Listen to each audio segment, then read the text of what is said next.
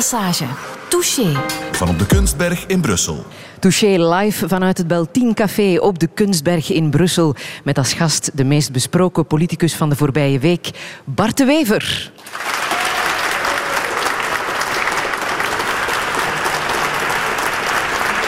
Goedemorgen, Bart de Wever. Goedemorgen. Hoe gaat het met u? Goed hoor, geen probleem. Doet u het nog graag? Just another week at the office. Dus uh, ja. Was dat zo? Het was toch een zeer bewogen week, hè? Dus ik heb al veel bewogen weken gekend. En uh, op den duur krijg je een beetje eelt op je ziel. Het maakt minder impact dan bewogen weken zoals ik die vroeger wel eens heb gekend. Maar deze week was toch wel een bijzondere, denk ik. Well, ik ben volledig afgeserveerd door de media, dag na dag. Ik heb eens geteld, ben ongeveer op 30 pagina's met de grond gelijk gemaakt. Ik denk dat dat een persoonlijk record is. Dus, maar voor het overige maakt dat niet zoveel persoonlijke indruk meer. Er is inderdaad ontzettend veel gezegd en geschreven over u. Daar wil ik het zo meteen wel even over hebben. Maar hoe zou u zichzelf omschrijven? Um, misschien in drie woorden. Ik ben iemand die uh, bezorgd is. Uh, mijn omgeving zou zeggen pessimistisch. Dus ik zie vaak problemen opduiken of de risicokant van zaken. Ik ben denk ik ook betrokken uh, op een aantal dingen. Dat wil zeggen dat als iemand mij komt uitleggen wat het probleem is, dat dat vanaf dan ook mijn probleem is. Dat ik daar ook, uh, dat ik daar ook mee in zit. En ik denk ten derde bedachtzaam, dat zijn de drie B's. Mm -hmm. Betrokken, bezorgd, bedachtzaam. Ik denk heel veel na voor ik iets doe. Misschien te veel. Ik heb de imago van uh, zo uh, sterk leiderschap. Stalin heb ik al gelezen in de krant. Het omgekeerde is de realiteit. Ik ben een wijfelaar. Ik twijfel heel veel. Ik denk heel veel na voor ik iets doe. En is dat ook afgelopen week het geval geweest? Dat u bezorgd, bedachtzaam en betrokken was? Ja, dat denk ik wel, ja. Het is natuurlijk als iets fout loopt in een, uh, in een organisatie waar je verantwoordelijk voor bent, is dat maar de uitkomst van een heel lang proces. Dat lang proces ziet niemand. Dat behoort tot de interne keuken. Het is pas als het fout gaat dat natuurlijk iedereen begint mee te kijken en zich focust op die uitkomst van die zaak. Het hele proces van bezorgdheid, betrokkenheid en bedachtzaamheid gaat daar eigenlijk aan vooraf. Als het fout gaat, gaat het natuurlijk fout. Dat ziet iedereen. Heeft u zich ook eenzaam gevoeld van de week? Well, eenzaamheid is een beetje de prijs die je betaalt om um, politiek op een bepaald niveau te bedrijven. Dus je bent met heel veel, maar als het echt fout gaat, ben je helemaal alleen. En de moeilijkste beslissingen neem je uiteindelijk ook helemaal alleen. Beslissingen waar iedereen het mee eens is, dat is niet zo moeilijk om die te nemen. Het is pas als de ene A zegt, de andere B, de andere Z. En je moet de knoop doorhakken dat het eenzaam is aan de top. En dat hoort erbij, dat moet je tegen kunnen. Als je dat niet kan, dan heb je in die stil weinig te zoeken. En u kan daar tegen? Well, ik denk na tien jaar in de wedstrijd, uh, wat zeg ik, vijftien jaar in de wedstrijd ondertussen zeker, uh, dat ik daar toch tegen kan, ja. Miserie wordt draaglijker als u er ook een beetje kan mee lachen. Is dat, dat is zeker gebeurd? waar. Uh, en wij lachen altijd. En de grootste miserie, uh, het grootste gelach. En zo gaat dat. Uh, mm-hmm. En dat is ook de afgelopen dagen zo geweest. Zelfs in de moeilijke gesprekken die er nog geweest zijn, ook met die betrokken partijen, is er nog heel veel gelachen. Zoals? Mogen we een beetje meelachen? Wel, dat is natuurlijk contextgebonden humor. dat is heel moeilijk om die uit de context te lichten. Uh, maar ik heb op een gegeven moment bijvoorbeeld gezegd, een van de stichters van de Volksunie die ik nog zeer goed heb gekend, die zei me altijd, let op met professoren in de politiek, want hoe groter de geest, hoe groter het beest. En ik heb die quote ook uh, aan de betrokkenen gelost en daar hebben we heel hard samen om gelachen. Gelukkig dat er ook nog gelachen kan worden. Dat zal wel zijn. Toch. U heeft een shitmap, hè? Als, u, die, als u die nog heeft, waar, waarin u de dingen bijhoudt uh, die over u verschijnen. In het begin had ik een uh, shitmap, maar die werd mm. op een gegeven moment heel erg dik. En ondertussen heb je ook het digitale tijdperk. Dus als je alle shit over jezelf wil zoeken, hoef je gewoon op Google dat in te tikken en dat komt welig naar boven. U dus hoeft het zelf niet meer te Het is niet meer nodig om dat fysiek te archiveren. Begrijp ik. Bart de Wever, ik heb speciaal voor uh, deze Beltien-uitzending van Touché een muzikale stadsgenoot uh, van u uitgenodigd. Hij woont in Borgerhout. Zijn favoriete vervoermiddel is de fiets en hij heet Pieter Embrechts.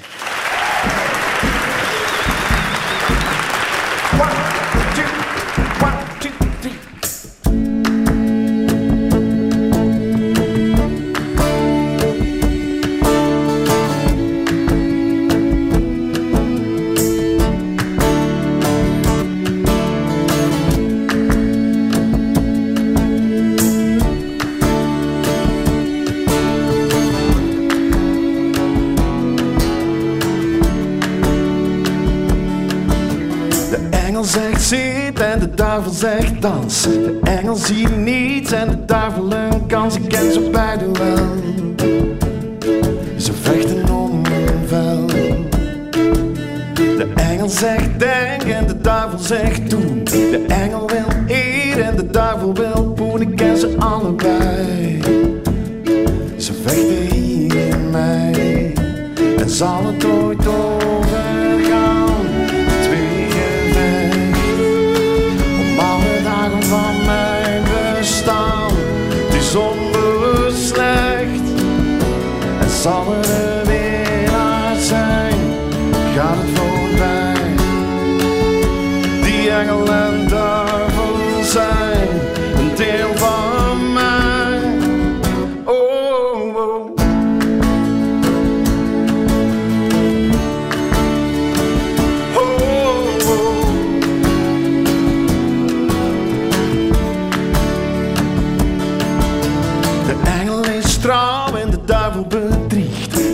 Zegt de waarheid en de duivel die liegt. Maar het is om wil. En de engel die viert. De engel houdt maat en de duivel wil meer. En nog en nog en nog en dan en nog eens een keer. En de engel daalt neer. En wie was ik ook weer? Het zal het ooit overgaan.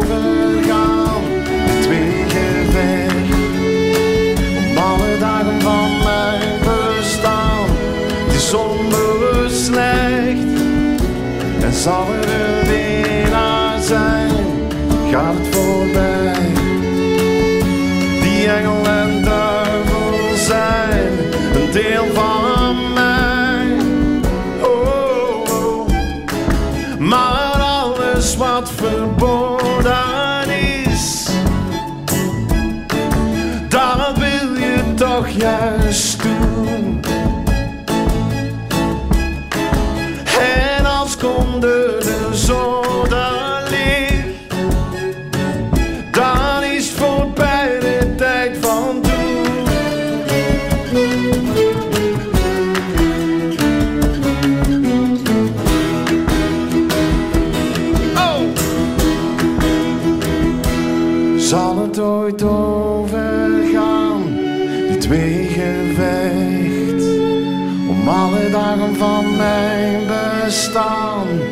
onbewust slecht. En zal er een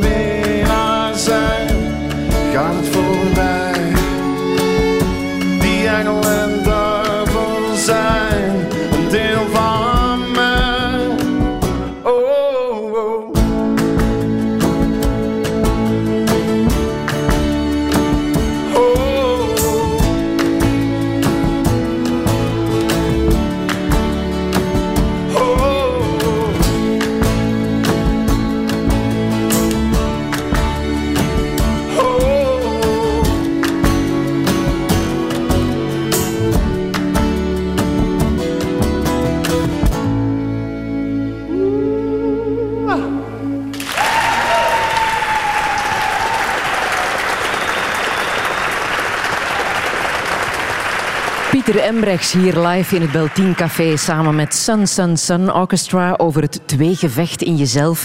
De spreekwoordelijke engel en duivel die je van alles influisteren en je in de war brengen.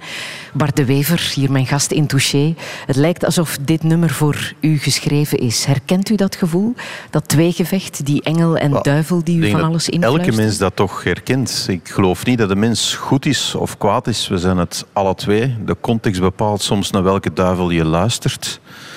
En zo zitten wij in elkaar, zo eenvoudig is het. En die spreken voortdurend, hè. die vechten voortdurend om aandacht. En ze verstoppen zich ook altijd. Eh, de kwade duivel herken je niet altijd als zodanig. Wie was het eh, meest actief de voorbije week? Goh, die eh, hebben alle twee wel hun best gedaan, moet ik zeggen. Maar meestal is de geschiedenis die dan over ons oordeelt. Hè. Het is heel moeilijk om dat over jezelf te doen. Zeker op, op het moment dat je handelt is dat heel erg moeilijk. Iedereen denkt altijd dat hij het goede doet. Zelfs dat doet hij het absolute kwade.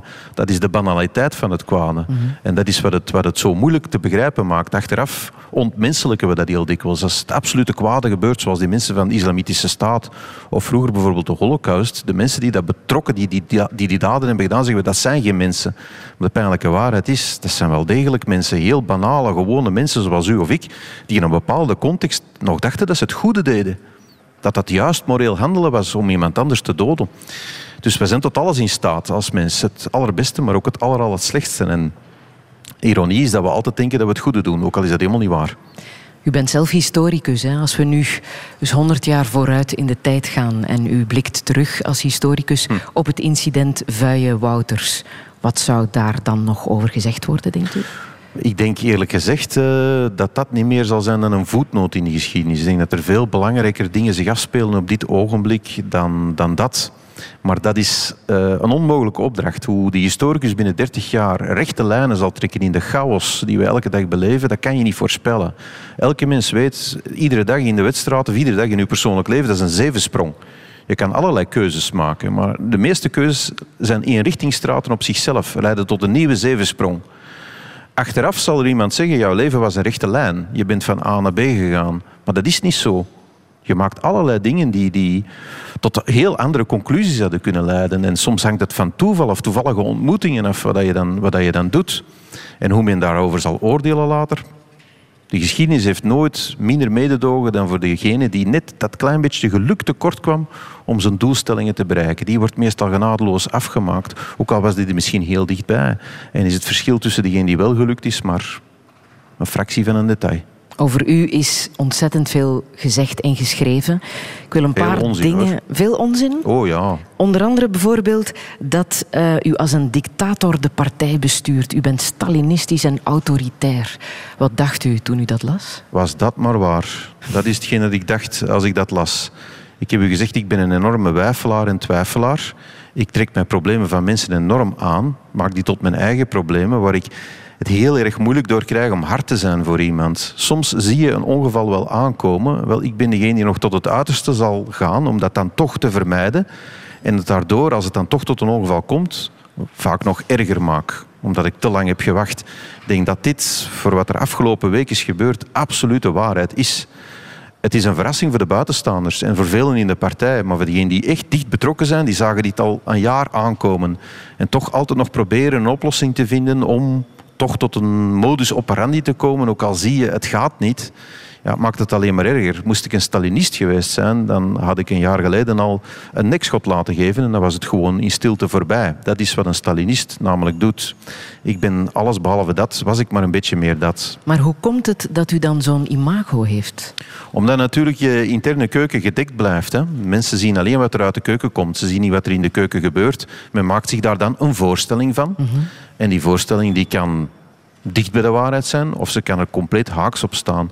In dit geval staat ze daar totaal haaks op. Iedereen die mij kent, u mag die allemaal uitnodigen en ondervragen. Degene die mij zal omschrijven als een Stalinist, uh, die zal u niet gemakkelijk vinden. Vindt u zelf ook dat u er het meest beschadigd bent uitgekomen uit dit incident? Ja, dat is onvermijdelijk zo. Uh, als je de kranten leest, is dat onvermijdelijk zo. Uh, daar kan je niet over discussiëren, maar ook dat is een stuk de prijs die je betaalt om verantwoordelijkheden op te nemen. Je moet niet op zij gaan als de klappen vallen. Je moet die allemaal opvangen. Je kan dan nu zeggen, ja, maar het is niet mijn schuld, want die heeft toen dat gedaan. En die heeft dat gezegd. En iedereen was met mij eens dat het nu niet anders kon. Dus het, zijn niet mijn, uh, het is niet mijn mislukking. Maar dat heeft geen enkele zin. Dat heeft geen enkele zin. Dat is alleen maar plezierig voor degenen die rond u staan uw tegenstander, die, die nog wel langer aan dat spektakel kunnen vergapen en dan zeggen van ja, het gaat toch wel heel erg slecht in die partij. Dus op het moment dat de klappen vallen, moet je die ook gewoon opvangen als voorzitter. Dat hoort erbij. Dat is, dat is een stuk leiderschap. Leiden en leiden, dat zit dicht bij elkaar hoor. Was u erop voorbereid? Want u heeft tien jaar lang een zo goed als smetteloos parcours afgelegd. Dat het een keer ging fout lopen, dat wist u natuurlijk wel. Was u daarop voorbereid? Maar journalisten die nu zeggen dat ik een smetteloos parcours heb afgelegd, ja, die trekken toch wel een heel rechte lijn in de afgelopen tien jaar. Ik heb helemaal niet die indruk dat ik dat heb gedaan. En als hun eigen kranten zouden teruglezen, dan zouden ze misschien ook tot andere conclusies komen. Natuurlijk, nu heb je een open wonde en uh, men gaat er dan belangrijke historische conclusies aan hechten. Uh, soms met ongelooflijke wellust. In de standaard drie bladzijden lang mijn overlijdensbericht. De voorpagina, dan nog eens een analyse, dan overlopen van alle blunders dat je zegt. Daar zit een enorme wellust achter. En dat is ook wel, ja, bij de standaard is dat zeker geen toeval, maar algemeen Vlaams is dat ook wel zo. Wat, wat is gemaakt, moet ook terug worden gekraakt. Je ziet dat ook bij Mark Koeken. Hè. Mhm. Alles wat omhoog gaat, dat gaat men ook terug naar beneden halen. En hoe meer dat je het publieke forum uh, bestijgt, hoe groter de wellust om je daar terug af te halen en eraf te trekken. Dat is, dat is iets typisch Vlaams. En dat moet je dan, dat moet je dan ondergaan. Hè. En bij je tegenstanders, zoals de standaard, is dat dan met grote wellust natuurlijk. Mhm. We hebben veel gelezen over wat u politiek uh, heeft gedaan de afgelopen week. Maar hoe was het voor u om van de week thuis te komen? Well, hetzelfde als anders. Uh, ik laat mijn werk aan de voordeur achter. Ja, dus, kan u dat echt? je hebt verschillende modellen daarin. Je hebt mensen die uh, thuis nog alles gaan herkauwen mhm. op hun thuisfront. Dat is niet een model waar ik sterk in geloof. Ik denk ook niet dat het thuis geweldig zou worden geapprecieerd als je zegt van ik kom hier al mijn miserie nog eens op tafel leggen. Uh, mijn gezinsleven is echt afgescheiden van mijn professioneel leven. Als ik de voordeur dicht doe, uh, dan begin ik aan mijn gezinsleven. Dat is een leven met vier kinderen met alles wat u zich daarbij kan voorstellen. En hoe was Natuurlijk dat, dat papa niet goed gezind is, dat zullen ze misschien deze week wel opgemerkt hebben. Hebben ze daar vragen over gesteld? Papa, wat is er eigenlijk aan de hand? Nee, mijn kinderen helemaal niet. Nee, helemaal niet. Uh, maar gisteren hadden we een familiefeest en ja, ze zullen wel gezien hebben dat ik daar redelijk stil bij zit omdat je natuurlijk ondertussen, uh, dat is het nadeel van die uh, elektronische snelweg, mm -hmm. de shit blijft komen. Hè. Je zit daar met die iPad en het blijft gewoon komen en je blijft dat dan in je hoofd overmalen. Dus dat ik misschien niet de actiefste was op het familiefeest gisteren, dat zal men wel gemerkt hebben, maar daar stellen zij geen vragen bij. Wat heeft u dan het liefst op zo'n moment? Dat ze u met rust laten? Uh, dat ze mij met rust laten, ja. ja. ja. En, dat daar, is, ook? daar zijn zij dan op dat moment wel een beetje het slachtoffer van. En dat is jammer. Mm -hmm. Heeft u heimwee naar het moment dat alles goed ging? Dat u ja, in uh, ja, volle succes uh, kon doen wat u wou doen in de politiek? Ja, maar ik ben nog niet dood. Hè. Uh, het is niet dat omdat er iets fout gaat, dat alles slecht gaat. Hè. Mm -hmm. Allee, ik zit hier precies op mijn eigen koffietafel. Uh, ik heb nu helemaal niet de indruk uh, dat deze tegenslag iets is wat ons het begin van het einde zal zijn. Helemaal niet. Ik heb veel grotere zorgen dan dit probleem naar de toekomst toe van, van, ons, van ons land, van onze regio, van onze gemeenschap en van onze partij als actor daarin. Echt waar hoor. Er zijn dingen waar ik veel harder van wakker lig dan, dan dit verhaal. Dit is gewoon iets heel vervelend dat moest gebeuren en dat is wat mij betreft eigenlijk nu al achter de rug. Maar toch zijn er veel mensen die zich afvragen waar u precies naartoe wil. Hè? Wat u precies wil worden. Wat ik persoonlijk precies wil worden? Mm -hmm. uh, exact wat ik nu eigenlijk al ben. Dus ik ben een maatschappelijke actor. Dat wil zeggen, ik heb bepaalde ideeën over hoe de wereld beter zou worden op dit kleine lapje grond dat Vlaanderen is en waar ik woon en waar ik verantwoordelijkheid draag. En ik doe er alles aan om die ideeën in de werkelijkheid door te drukken. Dat is iets wat ik al tien jaar doe en wat ik zal blijven doen. Heel eenvoudig. En ik heb geen andere ambitie dan dat te doen. En de beste manier om dat te doen, of, of, of welke functies je daarvoor nodig hebt, dat is voor mij van ondergeschikt belang. Ik heb nooit aan politiek gedaan met het idee, ik moet iets worden. Ik heb altijd gedacht, ik moet iets proberen te doen. Maar dat is in dit land al moeilijk genoeg hoor. Dat is ontzettend moeilijk. Het is een zeer weerbarstig land om te veranderen. Vijf jaar geleden had ik wijle Gerard Mortier, de opera-intendant, te gast. En hij deed u toen het boek Massa en Macht van Elias Canetti cadeau in het boekenprogramma dat ik toen presenteerde. Met deze visionaire boodschappen die wil ik nog even laten horen. Het is zo dat grote politici die in de geschiedenis binnengaan, meestal ergens vallen doordat ze een bepaalde visionaire uh, beslissing hebben genomen die niet meer gedragen werd volledig door hun achterban, maar zo zijn ze de geschiedenis binnengegaan. En daarom zou ik dat boek willen geven aan Bart de Wever als een mogelijkheid om na te denken of hij een groot historisch man wenst worden of een partijpoliticus. Hij stelt u een vraag. Wilt u een groot historisch staatsman worden of een partijpoliticus? Ja, hij ziet daar natuurlijk een tegenspraak in en ik begrijp hem wel, maar die hoeft er ook niet echt te zijn. Hè. Als je echt denkt dat om een staatsman te worden je op een gegeven moment je eigen achterban moet achterlaten, bij wijze van spreken, dan ben ik het daar niet mee eens. Je moet ook proberen mensen mee te nemen in een traject. Uh, politiek is een kwestie van ratio, je moet weten waar gaan we naartoe En hoe kunnen we daar geraken? Maar het is ook een emotioneel traject. Mensen moeten je ook willen volgen. Ze moeten je ook een stukje graag zien. En als je dat kan bewerkstelligen, dan hoeft die tegenstelling niet per se te bestaan. Al zal natuurlijk altijd wel een moment komen dat als je bepaalde dingen in een historische plooi kan leggen, niet iedereen zal volgen. En sommige mensen je dan zullen afvallen. En zeker in de ideologie waar ik vandaan kom, doet men dat ook altijd met uh, grote zelfkastijding. Hè. De verrader uh, die is altijd aanwezig. Men heeft daar echt behoefte aan. Iemand moet altijd de verrader zijn. Men is altijd de verrader van iemand. Dus ik zal dat dan ook wel zijn vervelen. daar moet je mee leren leven. Maar of dat, dat zo fundamenteel is, daar twijfel ik aan.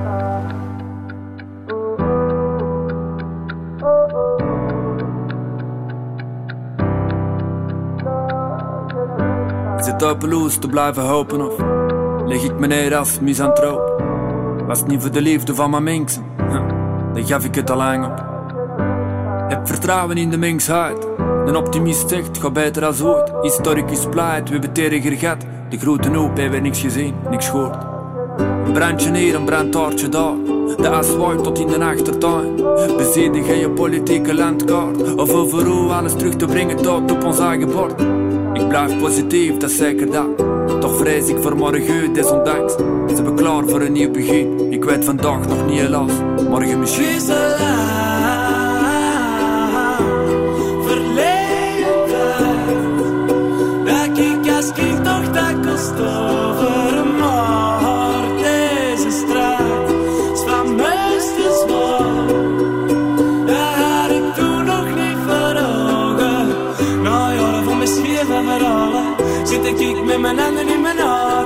De kop van nee, nee, nee. Ik probeer heel veel, maar het ziet me niet mee. Omgeven door problemen, volg ik de melodie. De tonen en mijn treden, totdat ik de horizon kan zien steeds op zoek naar mijn filosofie. Maar zo'n grote denker zijn ik niet, nee. En of ik al terug geloof in iets, ik strand telkens op het ongelooflijke. Maar je dit nodig om te kaderen, om alle bonheur of malchance te kunnen plaatsen. Om je in te kunnen voelen met de generatie. Voor kracht om de bladzijden om te draaien. En we weten dat de tijd dringt. Dus ik slag de snor aan en zet hem even stil. Antwoorden in mijn knie, alleen mijn lied. Tot in de ziel van de wereld, mijn woord en melodie. De kennis weet, het weet helemaal niets. Misschien geven we het best nog een dag of twee. Want we zijn nog niet klaar voor een nieuw begin. Ik weet vandaag nog niet helaas, morgen misschien.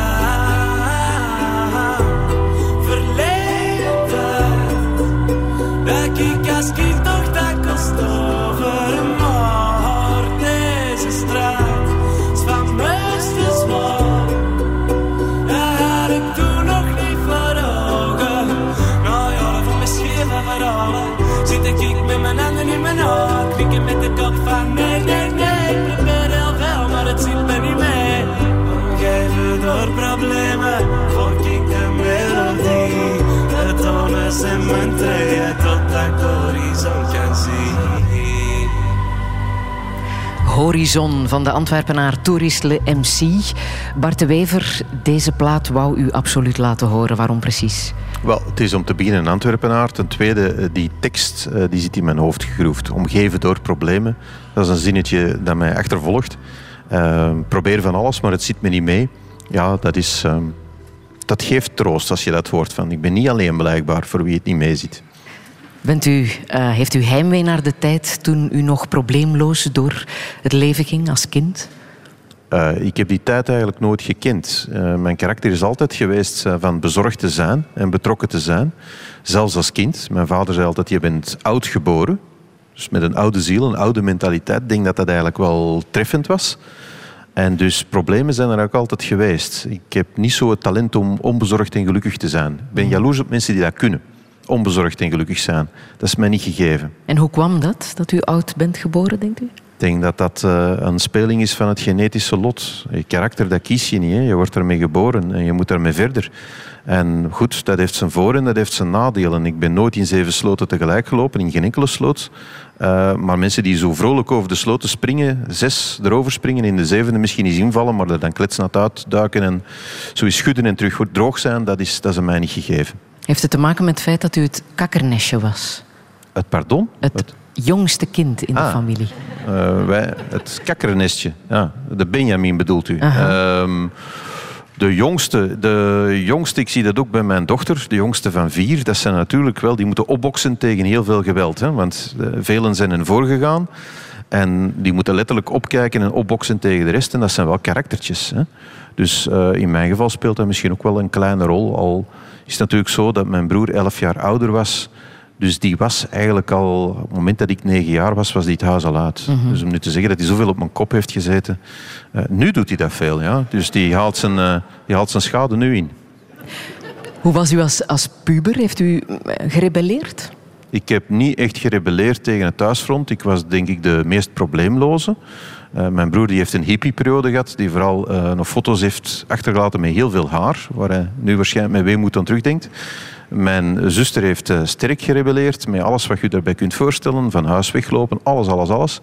En ik denk dat ik een verademing was voor mijn ouders eh, als puber. Eh, ik en deed zag, alleen mee met van die... eruit?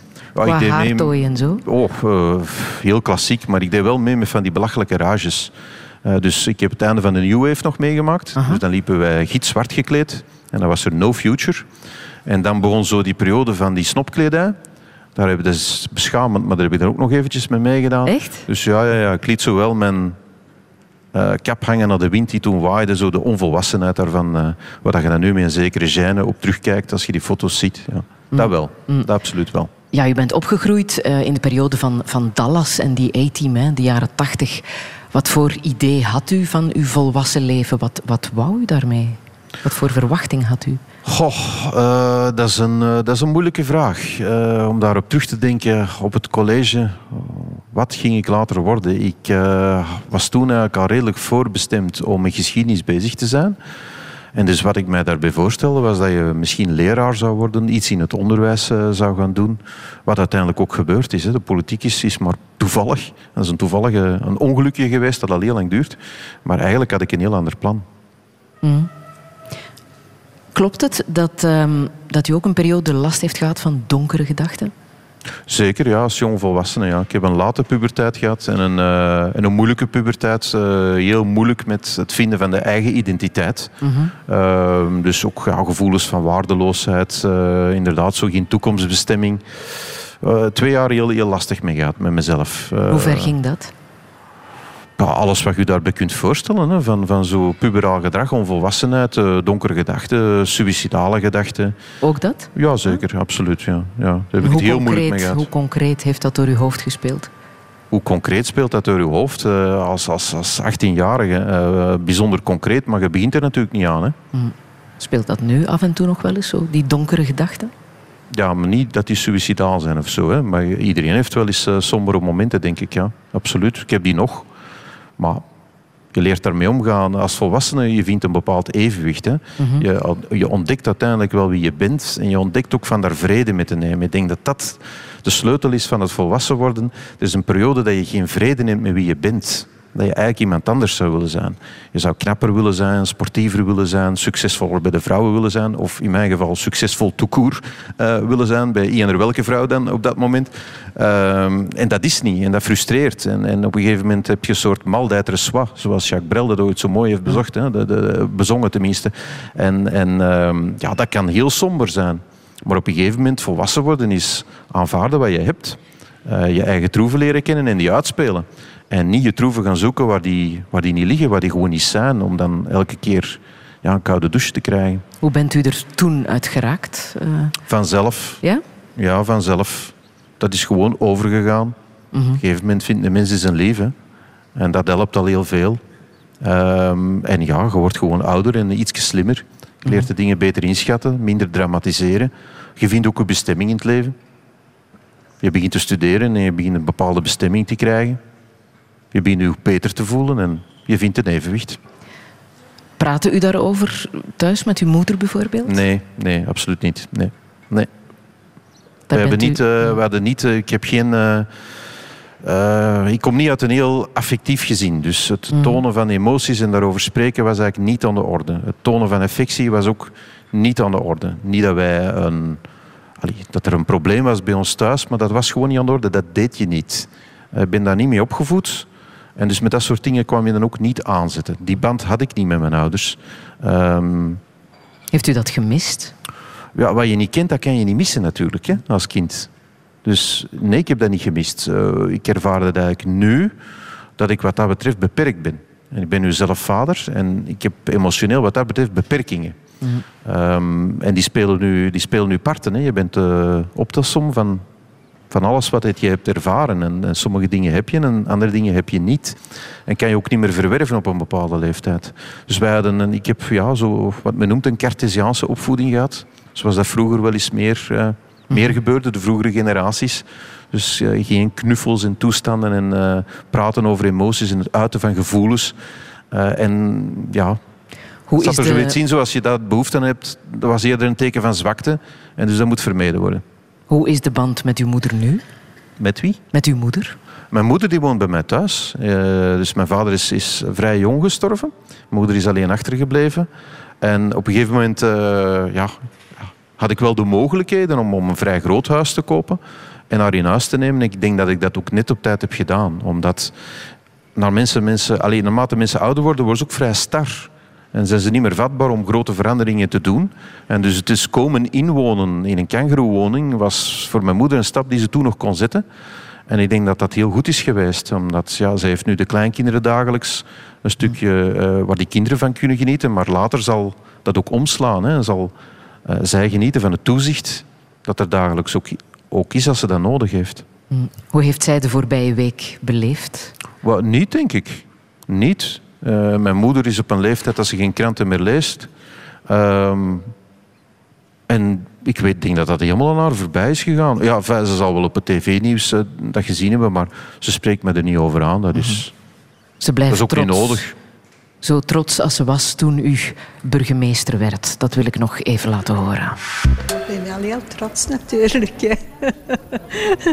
De eerste keer een burgemeester in de familie.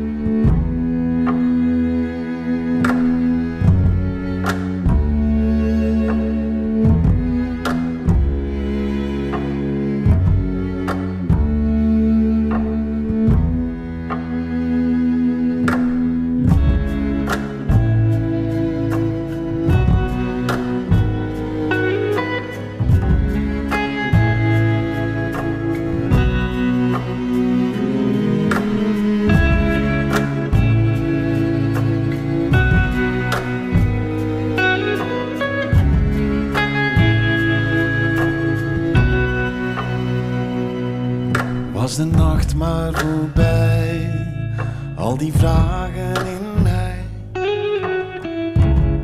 Ik vind nergens nog rust. Elke dag dat gevecht, ook de mensen zijn slecht. Ben zo uitgeblust.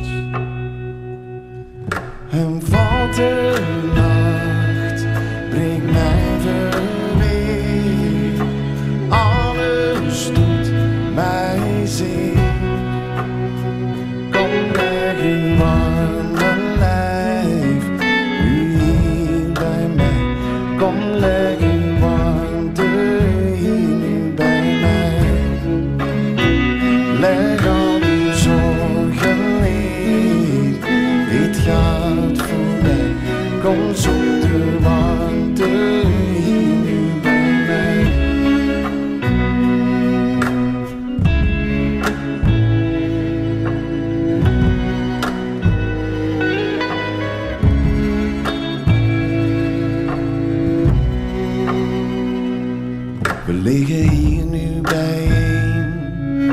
was nooit zo alleen.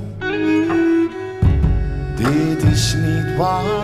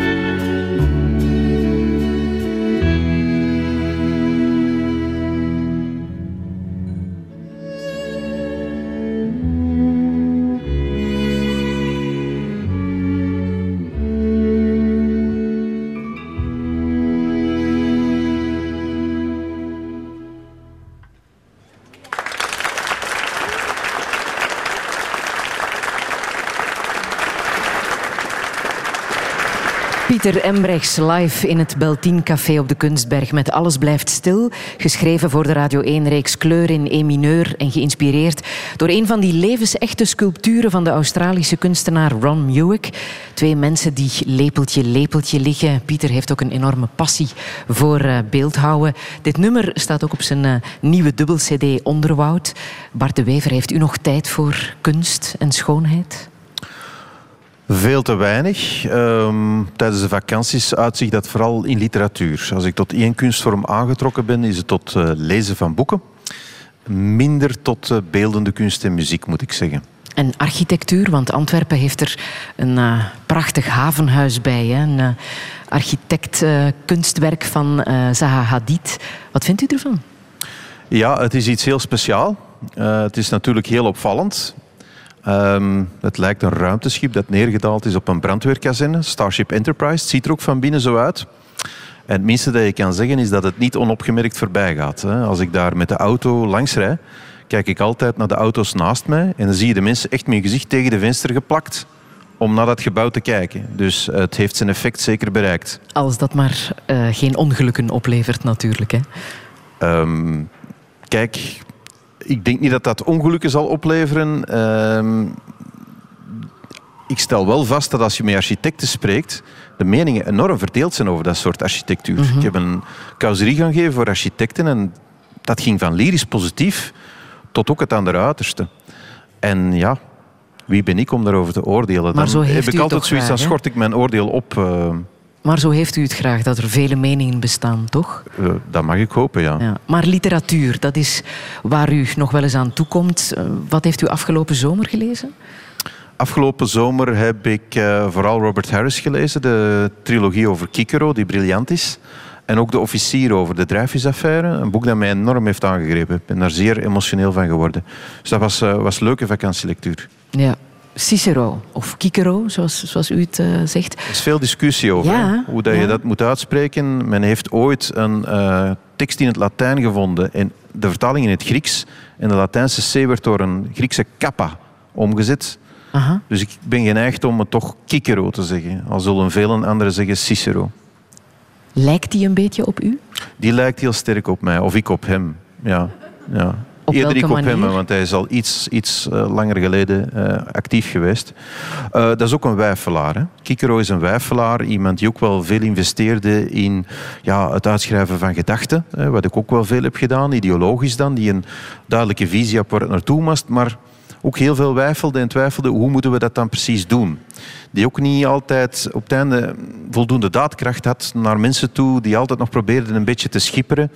Uh, die ja, zijn successen heeft gehad daardoor, maar ook zijn grote mislukkingen. En dat is iemand waar ik me wel, wel in herken. Hij had ook uh, veel humor en ik denk dat ik dat ook heb, maar ook het soort humor waar je wel eens mee in de problemen komt. Mhm. Kikero maakte altijd net dat grapje te veel. Zei dikwijls dat zinnetje te veel of dat cynisme dat hij zich net niet kon permitteren. En dat heeft hem heel veel gekost in zijn leven. En heeft hem uiteindelijk ook letterlijk zijn kop gekost. Hoe komt dat bij u, dat, dat zinnetje te veel, dat uh, grapje te veel? Well, ik denk dat iedereen wel zijn manier heeft om met moeilijkheden om te gaan. En voor mij is ja, een beetje cynische humor, dat is de muur waarop, uh, waarachter alles kan worden verstopt en die de dingen leefbaar maken. Ik zal, als ik uh, het moeilijk heb met iemand, als ik vind dat iemand in de fout is gegaan, hem eerder op een uh, cynisme tracteren dan op een, op een uitbrander. Want dat doe ik niet graag. Ik doe niet graag mensen pijn. Ik kan heel moeilijk hard zijn in een menselijk gesprek.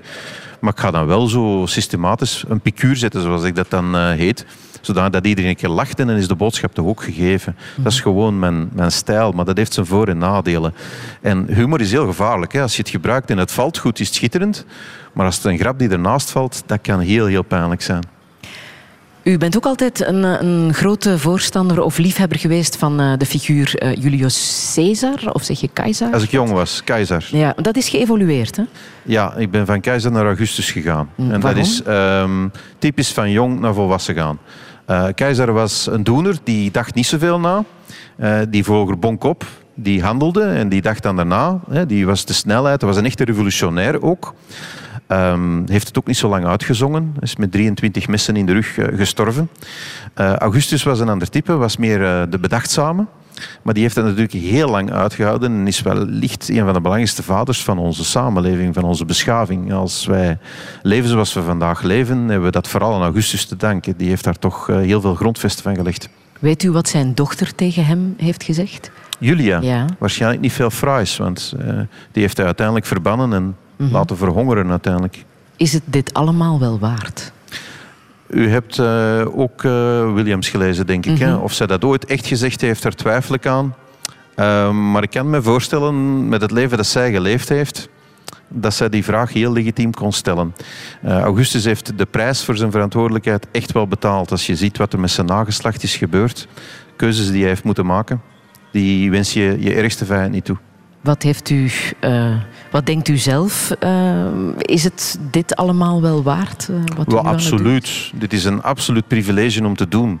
Als je de roeping hebt tot Republica, die Kikero beschreven als de allerhoogste, Mhm. -huh. en je wordt ook uitverkoren om het te doen, dan ben je de gelukkigste mens van de wereld. ik denk, elk ander bestaan, bestaan komt mij voor als ongelooflijk saai. Ze zegt dikwijls, ga je nog iets doen na de politiek? En ik wil dat ook wel. Ik zie me dit niet eeuwig doen. Het enige wat ik allemaal bedenk is, eender wat ik nu ga doen, gaat zo saai zijn.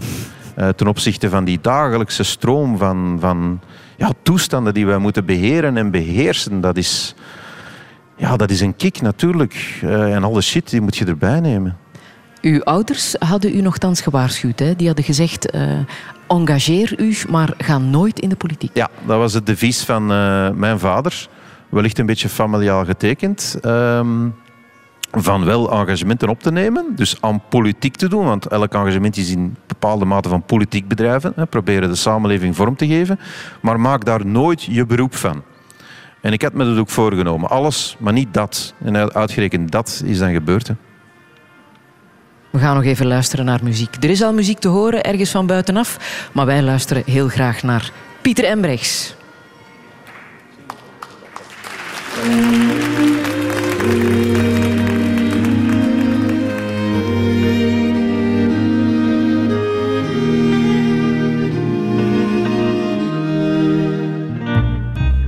De Turnhoutse baan was ooit de meer van Borgerhout.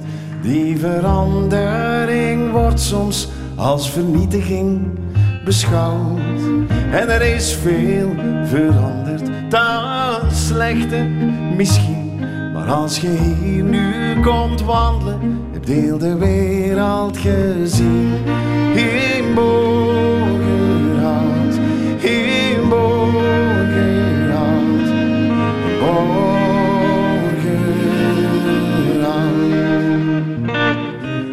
Ghanese begrafenis lijkt wel een feest.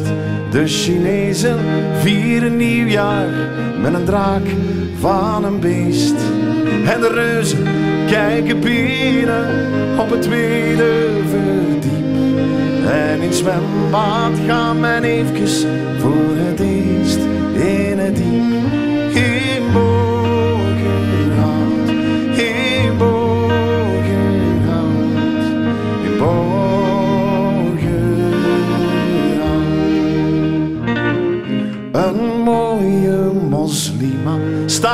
Voor mij aan de kassa.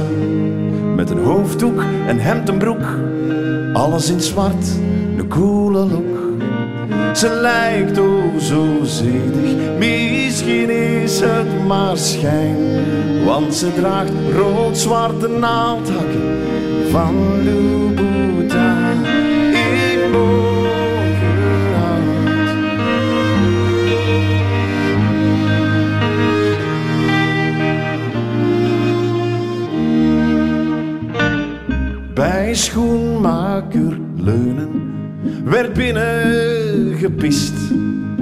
van zijn keldergat.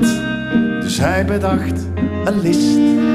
Hij zette er Ellen Triek op, ja dat werkt zeker wel. Als een zatlap kwam pissen, kreeg hem een schok in zijn spel. En als ik mijn baard weer iets te lang heb laten staan, kijken sommige Marokkanen mij iets vriendelijker aan. Salam alaikum, ja zo word ik dan begroet. Ik zeg alaikum, assalam, al is nog niet alles goed.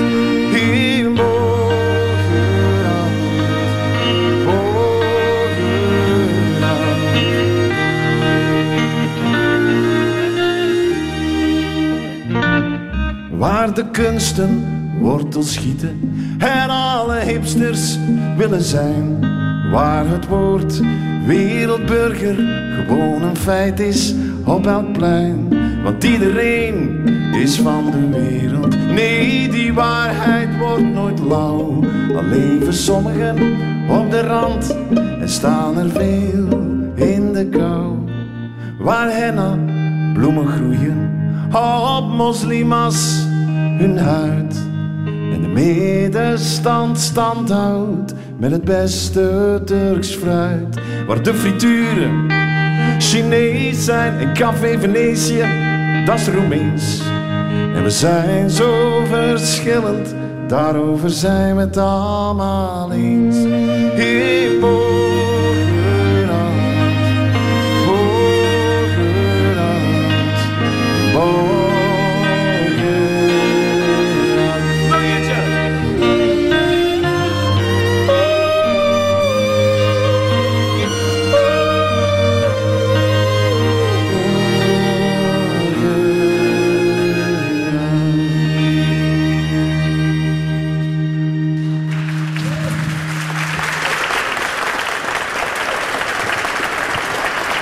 Pieter Embrechts en het Sun Sun Sun Orchestra. En dat zijn Jeroen Baart, Yumika Lecluze, Lisbeth Lani, Serafine Stragier en op contrabas Nathan Wouters. Volgens theater, volgend theaterseizoen liever gaan ze samen op tournee. En Pieter Embrechts is er even komen bijzitten. De man uit Borgerhout, hè, want je woont daar al meer dan eh, tien jaar.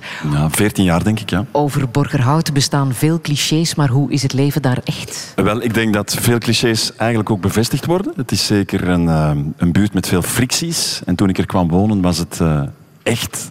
Bijvoorbeeld de straat waar ik woonde, was echt eh, elke avond uit het raam uh, drugstrafics eh, zien. Maar langs de andere kant zie ik ook wel dat er heel veel mooie, creatieve impulsen zijn op werkelijk alle vlakken. En ehm, soms maak ik een beetje de vergelijking met het, het oude Zuid, waar vroeger, wat vroeger goedkoop was. En daar had je dan heel veel schrijvers en schilders en muzikanten. Ondertussen zijn die allemaal weggetrokken en leefde er heel veel in Borgerhout. Want daar was het tien jaar geleden nog eh, betaalbaar. En intussen is er natuurlijk ja, die melange ehm, van culturen. De, de vluchtelingenstroom daar nog eens bovenop maakt het heel, heel, heel erg divers. En je hebt natuurlijk nog die oude mensen die daar wonen, die de, die, die, die de straat hebben gekend van toen het een, een prachtige winkelstraat was. Ik zing het ook, de Meijer van Borgerhout, maar het is wat ze zelf ook zeggen. En ja, ik zie gewoon heel veel potentieel, omdat er eh, veel goodwill is. Ehm, er gebeuren constant mooie dingen. Ehm, En je weet het ook echt, hè, want je bent van Ja, deur zo. tot deur gegaan eh, op de Turnhoutse baan bijvoorbeeld, waar je ook reportages Ja, dat was eh, een hebt voorbereiding voor iets wat ik eigenlijk nog aan het maken ben, maar dat is Ja. waar. Ik heb een soort reeks van korte ontmoetingen, gewoon portretten met eh, mensen die daar wonen, Mhm. gemaakt. Bart Wever, u woont in Deurne, al sinds jaar en dag. Nee, niet sinds jaar en dag. Nog maar een paar jaar eigenlijk. Mm, Is er een groot verschil met Borgerhout? Zou u ook in Borgerhout kunnen wonen? Ja, ik woon daar denk ik op 100 meter van de grens. Dus eigenlijk is dat één geheel. Deurne-Noord en eh Borgerhout, Intramuros, dat loopt in elkaar over. En dat zijn wijken die vooral door enorme densiteit worden geplaagd. Hè. Er wonen heel veel mensen op een heel klein lapje grond. Het is ook echt versteend, heel weinig groen. En je ziet daar verschillende problemen die op elkaar beginnen inwerken natuurlijk. Maar ook heel veel tekenen van hoop en vernieuwing. Dat is waar, het is heel duaal. En je Kennen jullie elkaar trouwens? Want eh, als jullie zo dicht bij elkaar wonen... Nee, niet persoonlijk. We passeren elkaar soms wel eens eh, eh, rond de periode van Sinterklaas. Ah ja? Ah ja, dat is juist, ja. Ja. ja. Op welke manier dan? Ja, dan heb ik een soort van roze toreador-outfit aan. en dan sta ik met zijn eh, kinderen te babbelen. En dan heet jij... Ramon Iglesias. Voilà. Wist je het? Eh, nu dat hij het zegt, schiet het met de binnen. Ja. Het is natuurlijk een hoop raar volk hè, dat van die een boot afkomt als je daar als burgemeester staat. Dat is altijd zo een moment dat je een beetje moet meedoen in een, eh, in een poppenkast. Dat is helemaal mijn rol niet. Ik ben daar heel onwinnig in. Dat is de zin begroeten en dan maken dat we weg zijn. Ja. En wat de muziek betreft, hoeveel talent eh, heeft u op dat vlak? meneer de 0,00. Ik was een hopeloze leraar, leerling tenminste in Sint-Montfortschool in Kontich, waar ik mijn prilste jeugd, men heeft men daar blokfluit proberen te leren, dat was hopeloos. Solfège, daar wil ik zelfs niet over spreken. Eh, en dus ik, ben, ik heb ook geen muzikaal oor. Ik heb geen oor voor muziek. Ehm, ik hoor, als mensen zeggen dit is briljant, het is minder goed, ik hoor nauwelijks het verschil. Maar u danst wel op K3, dat kan u wel, hè? Wel, dat niveau eh, kan u aan. Ja, ik dacht dat ik daar discreet opgesteld stond eh, op dat moment. Dat was, dat was een misrekening, ja. Ja. ja. ik, In Plopsaland, op Dus de familiedag van NVA op Eén 11 keer om de tien jaar ga ik eens uit de bol. Ja. Eh, liefst in alle discretie. Maar ik ben geen grote danser, nog eh, muzikant. Wat raar is, want de rest van mijn gezin is dat absoluut wel. Hè. Wij zijn bijna de familie Von. Maar het op het moment dat ik begin Ja? te zingen, is het meer Von Trapp het af dan eh Von Trapp. Maar de rest, mijn dochter speelt viool en piano. Ik heb nog een dochter die viool speelt. Een zoon speelt gitaar, de andere trompet. Eh, mijn vrouw piano. En dus die musiceren aan de lopende band en ik ben dan de toeschouwer. Wauw, er is, er is ook publiek. Ja, ja, absoluut. Ja. Ja. Film, daar heeft u meer mee, hè? Absoluut, ja. Ja. Wat trekt u dan zo aan in film? Wel, ik ben altijd eh cinefiel geweest. Ik ga heel graag, ging vroeger veel naar de cinema. Eh, ik vind dat er tegenwoordig nog weinig goede films uitkomen in de cinema. Het niveau is altijd zo'n beetje op de 14-jarigen gericht. Maar het kan ook zijn dat je gewoon ouder en kritischer wordt. Dat kan ook zijn. Maar er zijn pareltjes gemaakt. Hè. Pareltjes van het witte doek die ik vijf, zes, acht, negen, tien keer kan bekijken. En die nog altijd dezelfde emoties oproepen als dat je de eerste keer zag. Ja, dat Er spreekt mij zijn enorm aan. zoveel Vlaamse films die nu uitkomen van hoog niveau. Heeft u die dan gemist, meneer De Wever? Eh, ik denk dat ik de meeste wel gezien heb. Toch wel hoor. Ja. Ja? Toch van hoog niveau, hè, Pieter? Dat mag ik Absoluut, toch zeggen. Hè? ik denk, Films als eh, Dardenne, Problemski ja. Hotel. Ja, vanaf eh, Runskop zijn er toch bijzonder veel mooie films gemaakt. Misschien moeten jullie samen wat meer naar de Vlaamse film gaan kijken. Ja, graag, want u zegt dat u veel slechte films ziet. Vindt u dat dan minder geslaagde films? Nee, nee de, die, daar spreek ik niet over. Ik spreek over het niveau dat Hollywood nu loslaat op de wereld. Dat is toch Ah. Ehm, nog weinig voor de, nog, weinig nog, voor nog de net, nog Ja. net goed gepraat. Radio 1. Friedel Lesage. Touché. Van op de Kunstberg in Brussel. De voorbije week was allicht een van de moeilijkste uit zijn politieke carrière, maar het hield hem niet tegen toch naar Touché te komen. Live vanuit het Beltien Café op de Kunstberg in Brussel. Bart de Wever is mijn gast. En het is Pieter Embrechts die ons hier van muzikale muziek, hemelse muziek zelfs voorziet, samen met de Sun Sun Sun Orchestra. En het lijkt Bart de Wever alsof Pieter echt alle nummers voor u heeft geschreven. Dit nummer heet Laat mij gaan. Thank you.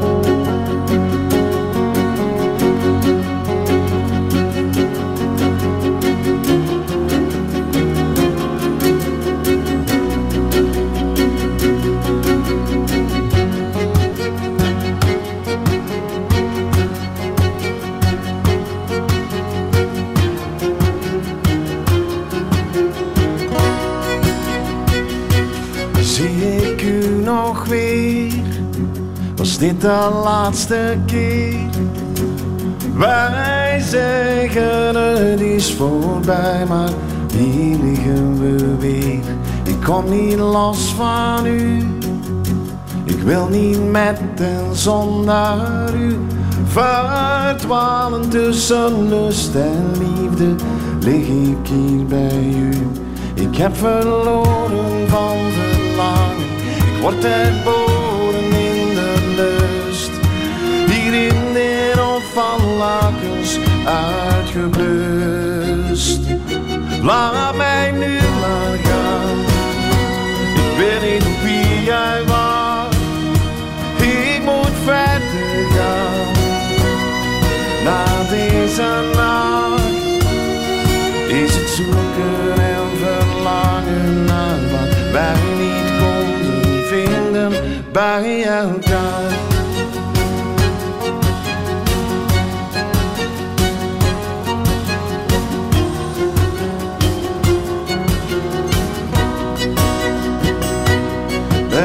Een verschil tussen wat je kan en wil. Je leerde mij om vrij te zijn en al doet dit afscheid pijn.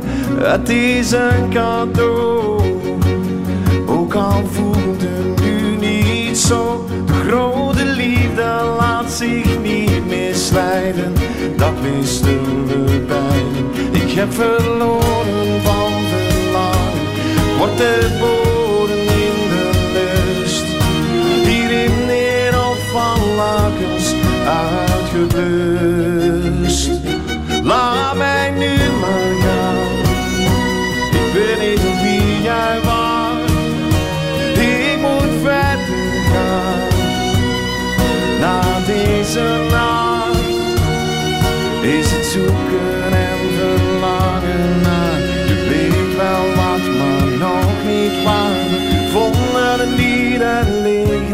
Liggen bij elkaar.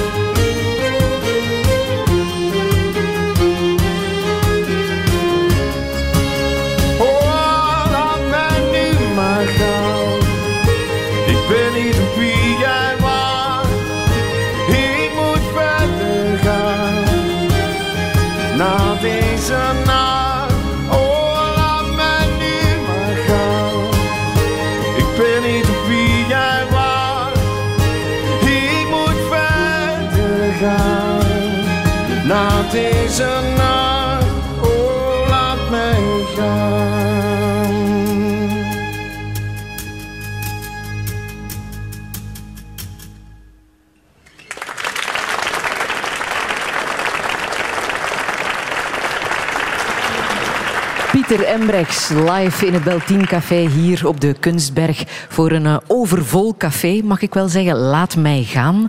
Gaat over de lusten en lasten van een knipperlichtrelatie. Bart de Wever, ook herkenbaar in de politiek, zo'n knipperlichtrelatie. Op een bepaald moment is de liefde groot en dan is het toch weer gedaan.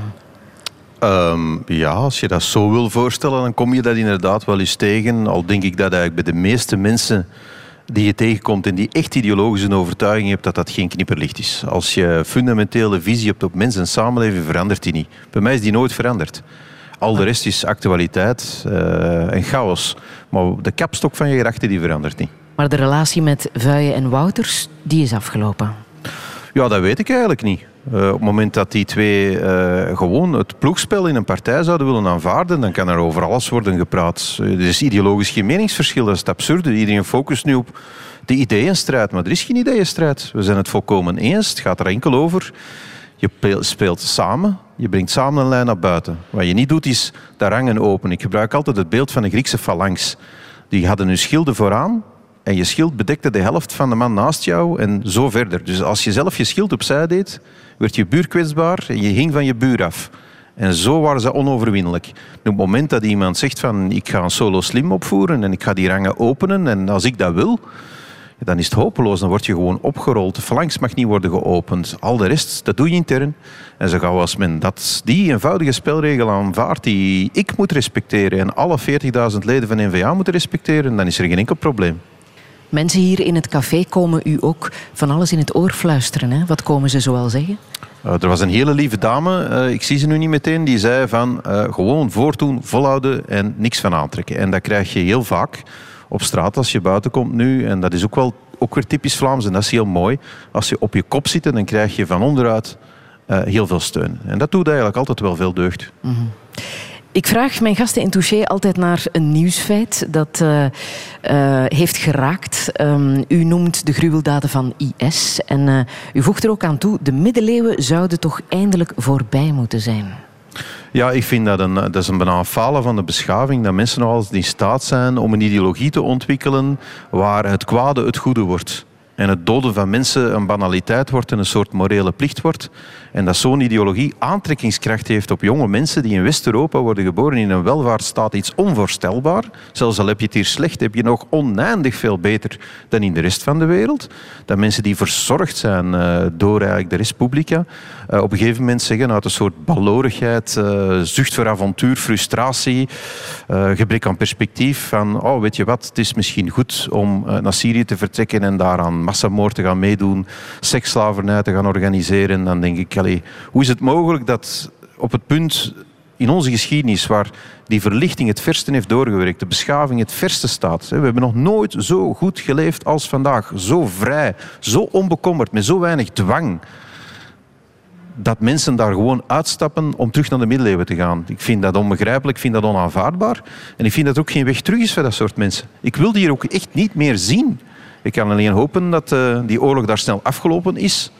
En wat betreft voor de mensen die die keuze maken en daarin volharden, ook zeer slecht zal aflopen voor hen. Voelt u zich hier veilig? Ik voel me wel veilig. Er Uh, staan militairen aan onze deur. Ja, dat is natuurlijk jammer dat dat nodig is. Maar men moet het ook beseffen dat wij van de jaren 90 verwend zijn geweest. Er waren geen vijanden meer. De Sovjet-Unie was weg. Er was ook intern geen vijand meer. We hebben nog periodes gehad met gewelddadig extremisme en terreur in eigen land. Maar we waren al twintig jaar uh, verleerd. En een echte veiligheidscultuur had dit land ook niet meer. Dat moet allemaal terug opgebouwd worden. Dat gaat jaren duren. En ondertussen moet je dan, denk ik, gebruik maken van de mensen die er zijn, de mensen die het kennen en de mensen die het kunnen. Dus dat defensie ook in het binnenland wordt ingezet, dat is misschien spijtig, maar ik denk dat dat noodzakelijk is. En ik ben de mensen zeer erkentelijk dat ze dat, dat, ze dat allemaal willen doen. En ik vind die, die dankbaarheid meer mag getoond worden. Zullen we daar moeten aan wennen? Uh... Dat, dat, we te, daarmee moeten leren leven. Dat is te vroeg om dat te zeggen, maar de eerste jaren zijn we zeker nog niet uit de problemen. Hè. Men, we uh, plukken nu denk ik een aantal zure vruchten van verkeerde beslissingen die men heeft laten duren. Uh, zelfs het aller, allerbeste beleid dat je kan voeren op vlak van, van, van veiligheid en op vlak van migratie, op vlak van vluchtelingen, het aller, allerbeste beleid zal niet beletten dat we nog minstens vijf jaar hier de opstoten van miserie en, en geweld gaan zien.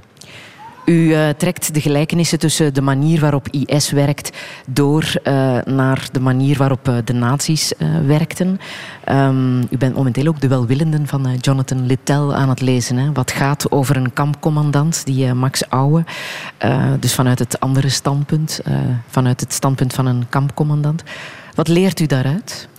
Wel, we hebben het er eigenlijk al over gehad. Hè. Dat is zo de banaliteit van het kwade. Hè. Dus je kan je dan voorstellen, een man die SS-officier is, hij is uh, Obersturmbannführer als ik me niet vergis, die deelneemt aan die uh, zondercommando's, de Einsatz, dus het liquideren van mensen die uiteindelijk ook de kampen probeert te professionaliseren. Men is die mensen na de oorlog, heeft men die ontmenselijk. Dat waren demonen, duivels. Het nazisme was iets zo Satan in hoogste eigen persoon. Hitler, dat was geen mens. De realiteit is dat dat heel normale mensen waren. En hij beschrijft in dat boek, en dat is zeer verontrustend door zijn perspectief, hoe banaal dat, dat allemaal was. hoe die verantwoordelijkheid was een soort piramidespel.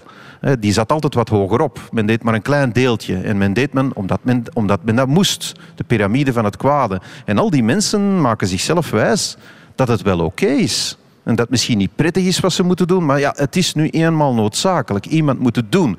En we hebben ook allerlei andere dingen al geprobeerd. Hè. We hebben ze geprobeerd naar Madagaskar te sturen, maar dat wilden ze niet. Men heeft ons geen keuze gelaten.